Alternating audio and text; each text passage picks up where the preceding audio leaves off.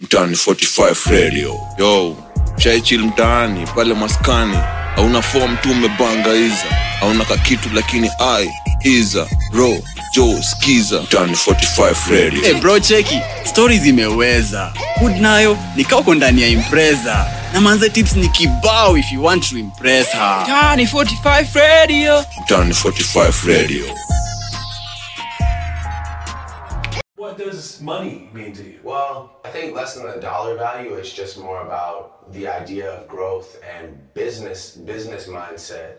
You know, you know yo what up what up this is ferron ferron chronicles This is ferron Asante. affiliated tukona nani ati nani tuko na santa hapa hivi Eh. ya santa mwenyewe eh, bana asanta bana Uh, leo ndo tutakuwa tunapigana yeye hii shughuli one two au sio na tunasikia tumekuwa tukisikia tumepata mahabari atikuwa mnatumis bana mm, it's been too long yeah it's been a while it's been a minute manze I haven't been here, been here, but uh, we're here now. yeah we're, we're yeah, we're now. here man yeah. asanta Ah, mi, mi kama kawa watu wangu wanajuaga feron feron ni rapa fulani mgori ni poet fulani hapo ni host mwingine hatari yeah, of course. e upiga shughuli mtani 45 radio na utu, eh, so we asanta we watu wanakujuagaje like eh? Ah, me, I'm a businessman. I'm a owner. Hey, you're a owner, you own something in nairobi I own shit. Yeah. I'm on my own boss. yeah yeah by My the own boss. Eh. Najua ni ku- ni ujanja tu hapa pale. Eh. na shop vile Eh. vile kufungua ni nini. yeah, yeah, nilikuwa nilikuwa napewa modwell on the entertainment side wesi Yeah, mchezo man, mimi ni Ah. aka producer producer wa mtaani eh? Eh, after zimetoka kama theatre huku hivi alafu sasa tuna Mm, so after we, supply after hapo. we, in short mm. tuseme tu wewe- wewe wewe ni msee bado kwa ka- entertainment industry in Kenya mm. una vile bado unajaribu ku set entertainment to another level with your works ni kweli yeah of course yeah so welcome sana kwa show yetu by the way welcome to mtaani 45 radio true i'm humbled man eh, na si hapa manze si ubonga kuhusu reality si ubonga kuhusu mostly hip hop but naweza sema tu art widely mm. eh, tunajaribu kuchanua wasee mtaani bana Industry Unaelewa? wise. eh, tunajaribu kuwachanua tunawaeducate unaelewa yeah yeah yeah true eh, so asante Mhm. man Ah, Tell me my guy, tell me my eh, guy. vitu mob zimekuwa ziki happen Mhm.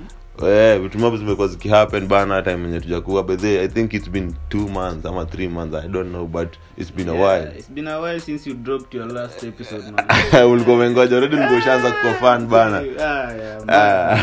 Mm-hmm. ukiona nikikwambia i need to be there tu Eh, bana yeah okay true. and you're here man welcome so tutasema hivi mtani 45 radio hatukuwa Mm-hmm. tumeenda kuna vitu tulikuwa tumeendea so tumekam na magood magood things magood vibes na tumekam sasa hapa tumekam kustage ndio yeah Eh, tumebonga kuhusu first of all tumebonga kuhusu side hustle eh, asanta amebonga amesema mboka yenye anadu mi personally mi, mi mboka zangu hasa najua bana eh? eh, mi mboka zangu ni zile zile eh. sitajiongelelea ukisikiza hizo episode zingine utajua Ah, mboka why yangu Ama- not, ama why not? businessman ah, asanta Eh.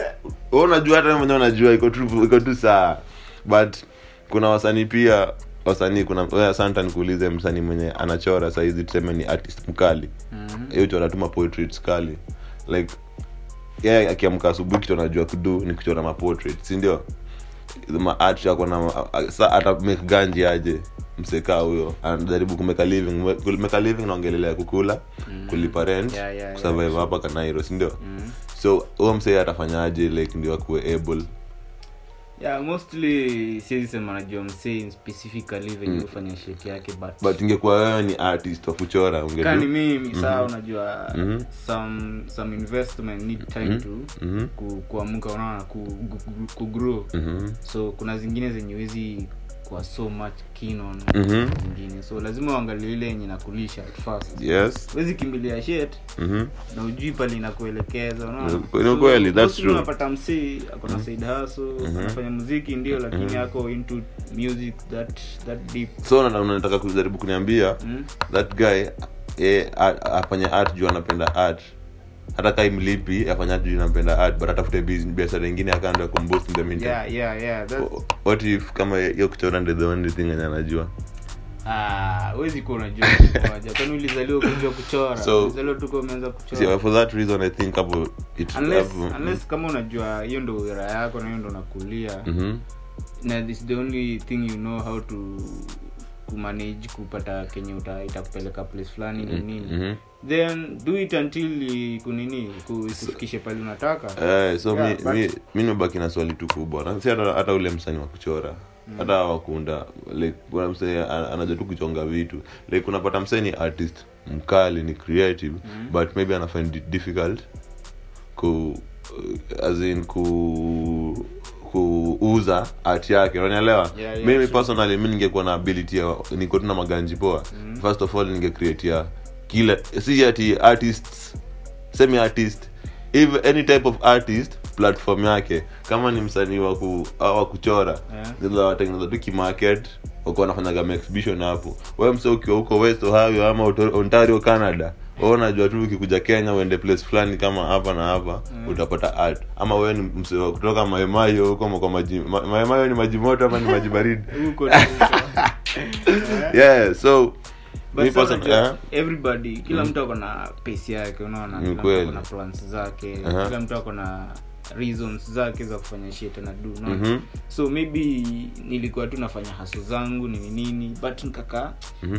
kitu ikanihit nikaanza kuona eh music kuna venye tu iko dope unaona lakini tu so kuna wale walizaliwa na music kuna wale Yeah. Mm-hmm. wamegrow na music na kuna wale wamekuja kujua mi music music so Mm-hmm. labda mi nimekuja kujua music Mm. so huwezi niambia it's the only thing i know kuna kitu nilikuwa najua labda before Oh, yeah, true. Eh, That's so true. Mm-hmm, unapata lazima ni haso ndio but kuna wale wenye wamezaliwa na music Yeah. unapata ame- ameshinda ameishi ameishi kujua music akiimba nini so Mm. he knows the ways manuva industry and stuff like that you know yeah na umesema kitu kitu serious so but, eh, everybody yeah. kila mtu akona akona clues zake zenye Yeah, kila mtu but akona visions zake unajua unajua si uface ngori kibao but Mm. hizo ngori tu kila msi anaelewa anajielewa yeye kulingana na maisha yake vile ngori na mafek but asanta hiyo ni shit- hiyo ni story yenye itawaiisha Hiyo juu itawaiisha. wasanii okay mi uh, personally i know wasema kuna wasanii wenye wana make ganji Mm. through their art na kuna a huge percentage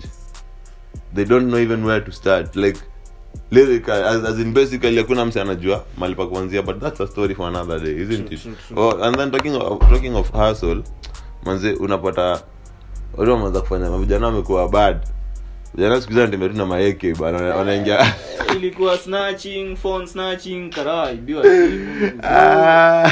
though we don't know for sure if that story was true or not but sasa Eh, ilikuwa ni tunakuja true hii- ilikuwa wewe na- wewe ai- aje karao tu- nani ka- nani yeye ni karao Sasa bana unajua you can't insinuate anything 'cause Yeah. wali come up na report wakasema oh it was edited and stuff like that but you know how it is man but by the way inaweza kuwa pia ni edited yeah you Yes, never yeah. know Just- just Anything- him time, anything is gori. Hmm. possible these days eh so hiyo ingine yenye nimesikia oh, Eh, bank eh, robbery. eh, bank robbery, Eh, wasa- mi- mi- pa- mi ma- nimekaa AK. tu pale naona ma short clip videos na come to zzz, zzz, simu ina vibrate Eh?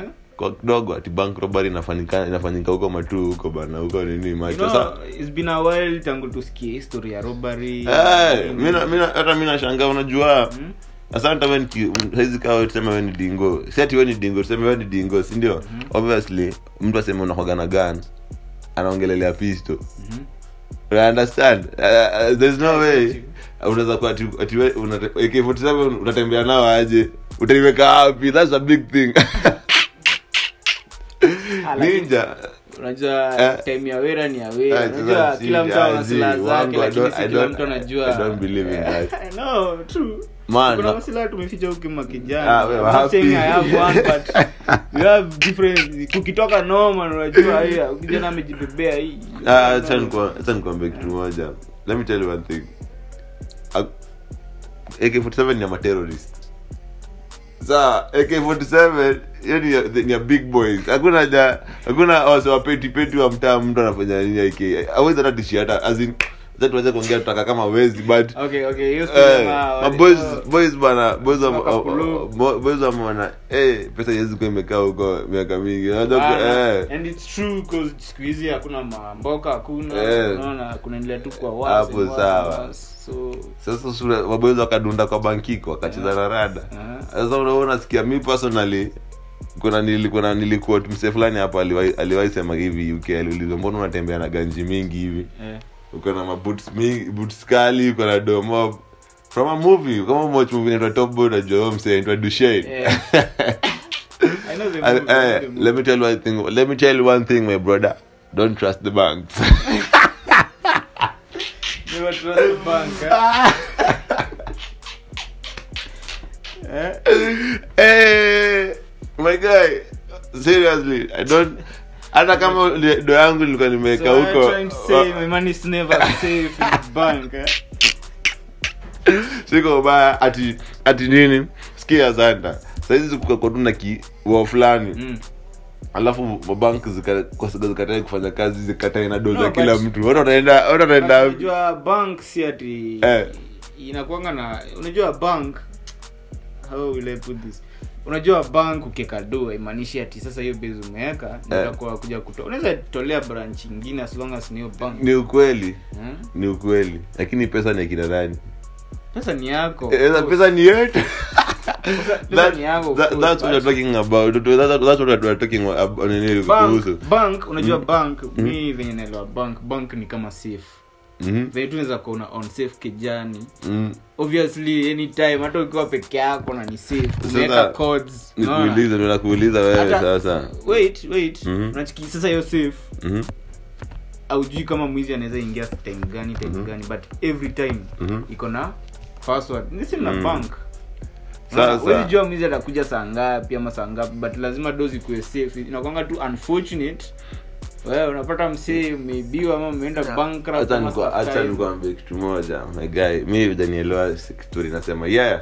shit happens hiyo ni kitu yenye lazima tu iha lazima ihappen umenielewa but ido ndo hii banki kuable kukua bank nido ya nani imetumika kukaa huko nido za kina nani zukanga huko ni do za msee Eh, wananchi of course. eh, sasa anadha mwananchi akipulapo ichukue do za wananchi mta- mtakompensate wananchi aje ama eh, Ah, wakona sasa unajua hiyo ni story na bank na story na ma Insurance and shit. insurance and stuff like eh, that, yeah. but rule number one my brother don't trust the banks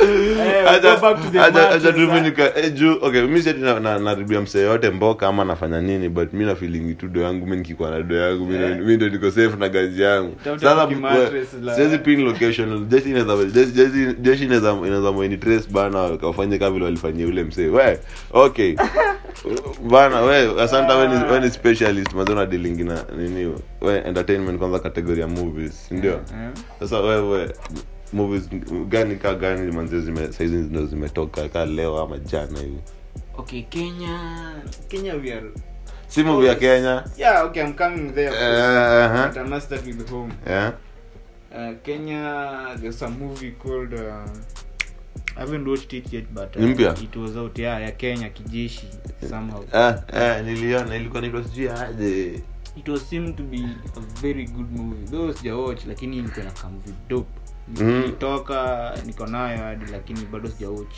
nifadi mimi the Inajiita, what's its name mission to rescue uh, yeah It's a eh dope movie though eh storyline and stuff but it's a very very nice movie Mm. okay coming back to hollywood uh, Mm. you have fast and furious Fast and which Furious- dropped Fast and yesterday. Furious nine. tumengoja hiyo kitu Yeah, Eh. bwana. F9. tumengoja bana hata ni- nililose hata na sasa sina seke- sina haraka kuiona Haukufika tena bei Ah, ya theater, Ah, ah, eh? kwani wewe ulivyo haya uka-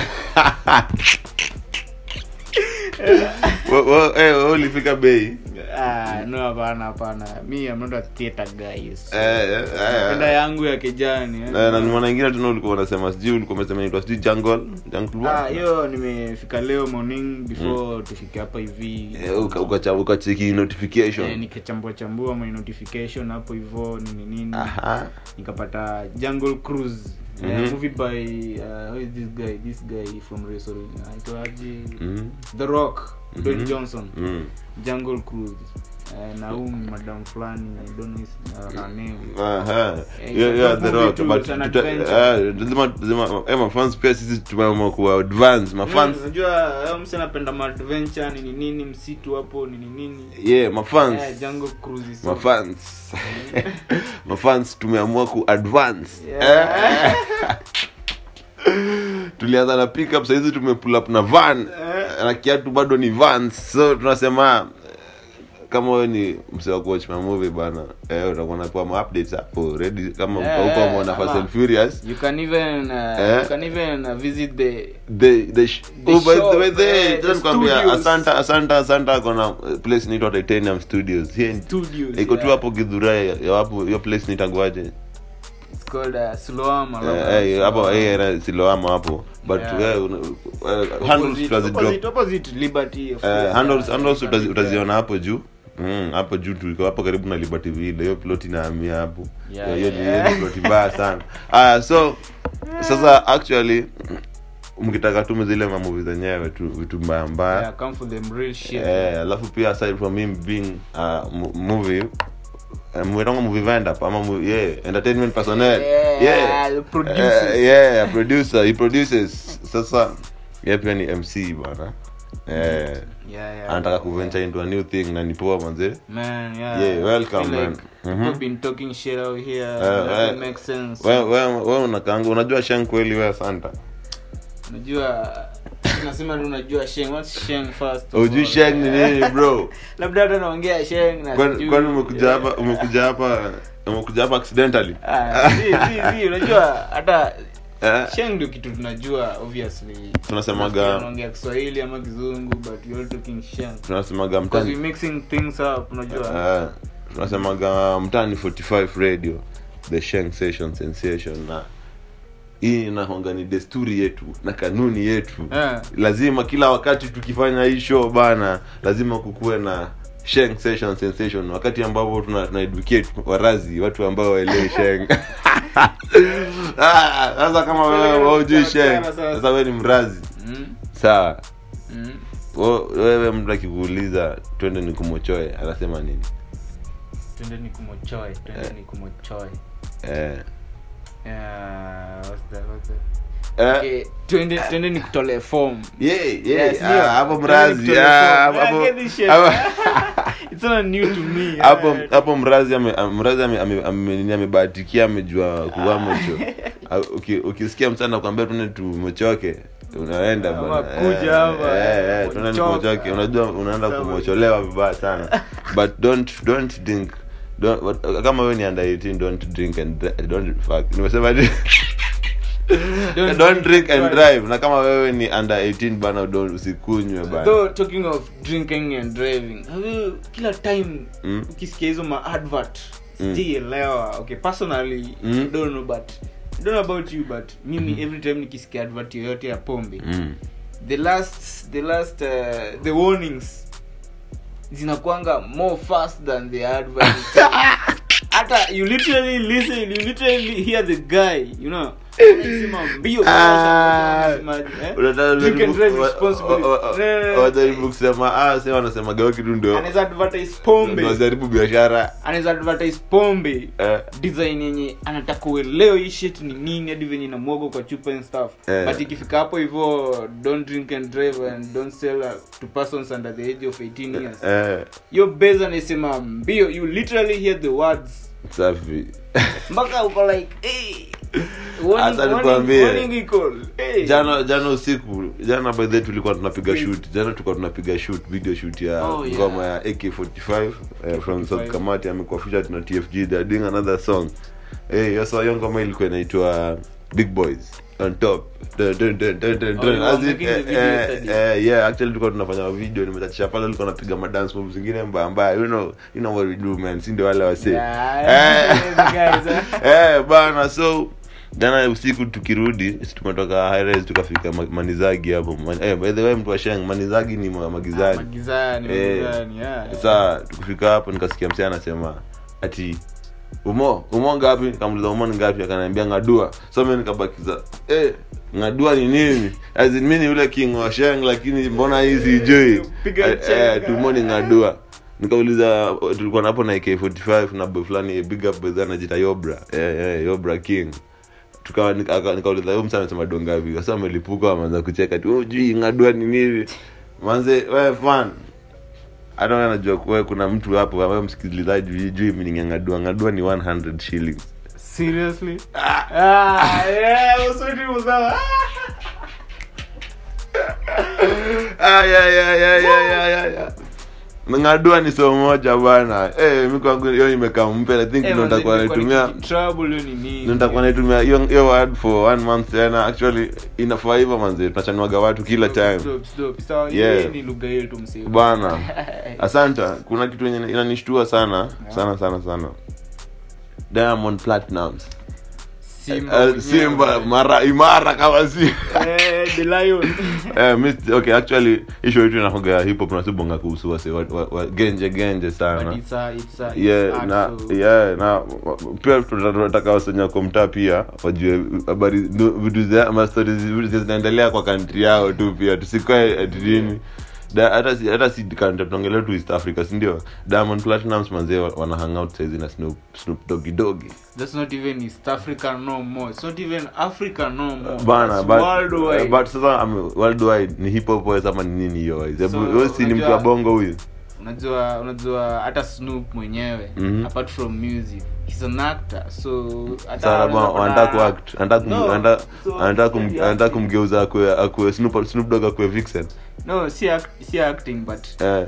unajua diamond kumekumuvu kaa hiyo eh ni the same tu na snoop kukutana na msee kama idimafi unaona hiyo design as in oh, okay mi, mi basically mi nadhani Diamond akimit Snoop Dogg Snoop Dogg wanaongea kitu kingine tofauti juu Yeah, those- yeah, I- inaweza I- kuwa project I- ingine ah, hapo. si mziki sasa mziki ah, oh, bongo ina- ah, nimekwambia. wali- walifanya na Rick Ross tuka ignore Yeah. ah hiyo sasa na tuenjoy unaweza pata labda hata kuanzisha mradi ya ku, Eh? kuimport ma Wait, marizla eh, eh, tunaliwanga hiyo wakianza story na rizla tunajuaga nini inaendelea but its okay thats a story for another day sawa sawa eh, diamond platinums mtoe ngoma na usianze kusema "I wanna do like that I wanna be wacha Ah, Yeah, me, me, honestly, me, I think the, the guys ujamaa ako sawa unaona Mhm. he's making stuff he's very different from other niggas machikiumse ana, ana, unapata this time ako huku next time kufikiria ako huku mse ako huku businessman yeah it's supposed to be like that Mhm, unaona mhm. to maintain your situation for you Yeah, and stuff uh, like but that. you're not sasa- seeing that in Kenya of course. octo octo pi- ah, ah, tuna- tunaziona we- kenya kenya ni story kubwa a very big book when we start talking about The kenya last- the last- utalia hapa the last person i had met someone Mm-hmm. alikuwa kinkaka alimit nani alimit oye kingaka alianza kutupeleka majuu kitambo kuna time fulani ali- ile akitoa akirelease album you know kuna huyo nani anajiita aje there's this famous nani host ako na show ya hip hop humsanitangaza comedian pia kina you bro Uh, ni you bro Sijui hii bro, kitu that kama guy hiyo, uh, something. tutafanya Ako research tu 27. bana enda alikuwa na hype ngoma ya nani Ali- kinkaka alimficha na hapo nilisema guy unaenda mbali na saizi mazee kwani Ule mwenye umedundaing alikuwa na interview yeye saizi na- amedundaing ama ameenda wapi? Ah, he's releasing tracks by the way. King Kaka Kinga- ako active. kinkaka Yeah. Ako active. King Kaka release tracks bana na make sure bana na recognize mavijana Kaka pale kwa ako ground. sawa. Kuna mavijana wanoma sana King Kaka by the way. So actually when you, when you are doing something ama una intend kufanya kitu jaribu pia kuweka waseka watatu mahali wenye wanatoka kwa ground au sio? Yeah, course. basically hata sisi ndio issue ikuwe successful ama issue ikuwe show ndio ikuwe hata show ab- show ikuwe ranked mahali. Pushing- yeah. Uh, pushing it- pushing each other. Yeah, It's yeah. supposed to be a thing, Yeah, man. kama una- Supposed to be oh, a thing, yeah. si ati stuff, ati- kawe ni artist outside there na unafanya kitu dope kam tu bana kwetu tuonyesheo kitu dope tutaivalidate na kani kitu ya upuzi tutakwambia wacha kutupima alafu it's supposed to be at- at least try to- Mhm, kuwe kitu tofauti unaona Mm-hmm. Yeah. come up with something creative kitu Yeah. kufanya niko like hey, ulisikia nani manzie juzi ile shit ali drop Mm-hmm. Yeah. Eh, stuff like that kitu inaenda na wave inastua country mzima Mm-hmm. eh, before you know it mhm, east africa before you know it africa we need Mm-hmm. someone like that eh? mhm. nataka msehemu atatu push tu, tujulikane kwa hii dunia bana eh? Yeah. saizi africa non bana Soul wamepeleka pahali. watu wanafanya mambo hata people are making Ah. octopizos stuff. ametoa hii ngoma inaitwa pocket And then- and then- and then- and then ati watu wanaanza kusema octopizo amebuy views actually kama pesa unaweza- Apart from si- views. si- si- there are many other things you can buy Ju- obviously ju- views ni ni doo mingi apart from views yeah views ni do mingi sana Mm-hmm. na